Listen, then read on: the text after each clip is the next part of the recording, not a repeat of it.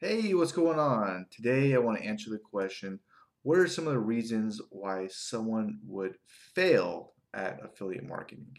Okay, and uh, number one reason to fail is of course to quit. Okay, it really is it. Why do people quit things? Could be a lot of reasons. Uh, usually it's lack of patience. They're not getting somewhere fast enough. Uh, they're not making enough progress. That's that could be a big reason someone can quit something, right? Can be. Uh, a while ago, I read this book called Mastery by Robert Greene. Pretty good book. And when he talks about when he talks about in the book is any skill to learn, uh, it doesn't go straight up. Okay, to be a master at something, you go up, then it plateaus, then it goes up a little bit, then it plateaus, and then it goes up again. Um, and this is why patience is by far the greatest probably skill to have. You, you just need patience, and lack of patience just hurts so many things. I mean, if you just stick with something long enough, like surfing or the guitar, music, you could do some serious damage. Unfortunately, we live where there's so many distractions that we just do something else or quit or something, okay? Now, of course, there is the big difference between patience and then there's delusion. it's just not going to fucking happen no matter what you do. That's delusional. Um, so you gotta be careful of that as well. Okay. All right.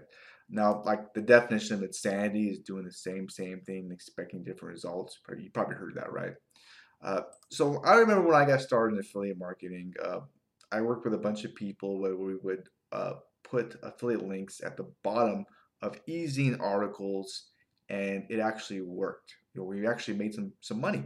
Uh, it's a long, long time ago, probably like ten years ago. That's how long it was. Um, but it's a very difficult way to do affiliate marketing. Okay, that's you know there's much better, easier ways of doing it. Um, then I joined the Chris Farrell membership program. It was all about you know learning from him. It was about the list, promoting products. Um, just you know open minded to trying easier ways to make money. And uh, my income did increase using the list um, but I wasn't still wasn't making the type of money that I wanted to, and uh, I didn't know what to do with the list. You know, I didn't know. I, I was I just struggled a lot. Uh, then I started experimenting with traffic, uh, you know, YouTube and all these other traffic sources, and I was getting tons of traffic. Um, and some people think that lack of traffic is the number one reason people fail in online business. I completely disagree with that because you know, even if you get a shitload of traffic, if you don't know what to do with it, you're just not going to make any money. Okay, uh, so it, it, really is. It's it's probably last on the list. Last on the list, what you should be focusing on. Small part. It's not everything. Okay, not at all.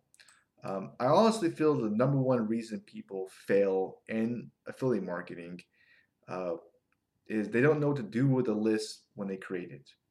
Uh, this is where all the money is at. It really is. Okay, and you also have to promote the right kinds of programs.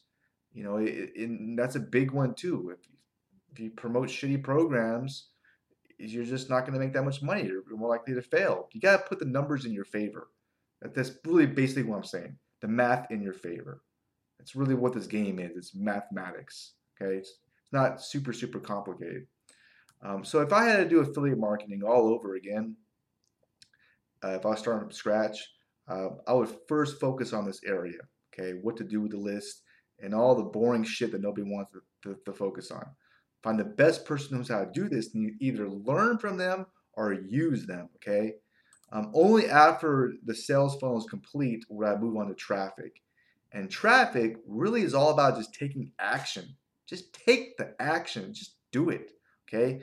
And um, I really think that not taking action is another big, big reason people fail with affiliate marketing. Uh, maybe they want everything to be perfect, the perfect video, the perfect lighting, the perfect. Nothing's gonna be perfect, never, ever. So just do it. Um, perfection is really tied to your own ego, and there's a lot of probably deeper shit at play. It's about speed. You know, put out the content as quickly as you can, be as helpful as you can uh, to your target audience. Okay. Um, and that's really what it's about. It's you know, not brain surgery. I, I, I could do it. So to sum everything up, the top reasons uh, people would fail is they just quit. they quit. Okay. Another big reason is people fail, and this is why I failed for a long time, is I just didn't get the right help. I didn't know what the fuck I was doing. Um, so you got to find the right person, especially if it's targeted help. You really want that. Be, being humble is, is really, really big, and some people struggle with this as well. Um, and uh, yeah, you want to get, you know, it's, it's usually like the, the person the smartest person in the room is usually the person who asks the most questions because they're humble enough to realize that, hey, I don't know all the have answers, right? It's kind of true to that. Now, obviously, the, the help should be targeted. Uh, the more targeted, the better. Okay, uh, almost like seeing a specialist over than seeing a doctor. You know, you have a stomach problem, you want to find a person who knows everything about the stomach. You don't just want to find, you know, just you know, your uncle or something. Um, and the third biggest reason people fail is just not taking action, okay? This has to do with self esteem, uh, maybe a lot of other deeper shit out there. Um, what I recommend would help me is purposely making myself look as stupid as I fucking could, or just purposely failing and screwing up and realizing, hey, it's not even that big of a deal. It's not, you know, getting, you know, mean comments, no big deal. I don't even care. So, um, yeah, that that can help me. Maybe it helps you. I don't know, but you gotta take action. Okay. All right. And um, to be honest with you, I could probably take more action than what I'm doing. Okay. I'm I'm not perfect either. So, uh, what do you think? Um, any other reasons why someone fell? I didn't write. I, you know, let me know in the comments. Your comments are always appreciated. I really do welcome your feedback as well. And um, yeah, and um, I don't know. What do you what do you what's your struggles with affiliate marketing? You know, what's one area that you're just having problems with? Okay, leave a comment. Uh, like I mentioned earlier, you know, getting the right education really is pretty key. And I know there's different places out there that you can learn affiliate marketing or digital marketing. And um, I've gone through a lot of different training courses. I haven't gone through all of them or whatever. But there is one person guy who I know is really good because he really helped me. Um, and that's why I recommend him and I endorse him because I, think he does walk the walk and he just talk the talk. He doesn't just blow spoken mirrors or whatever. He does know what he's doing. So I'm I feel very comfortable recommending him. Okay. So if you want to know who this person is, just click on that link below, or you can check out my website at trustthelink.com. Okay.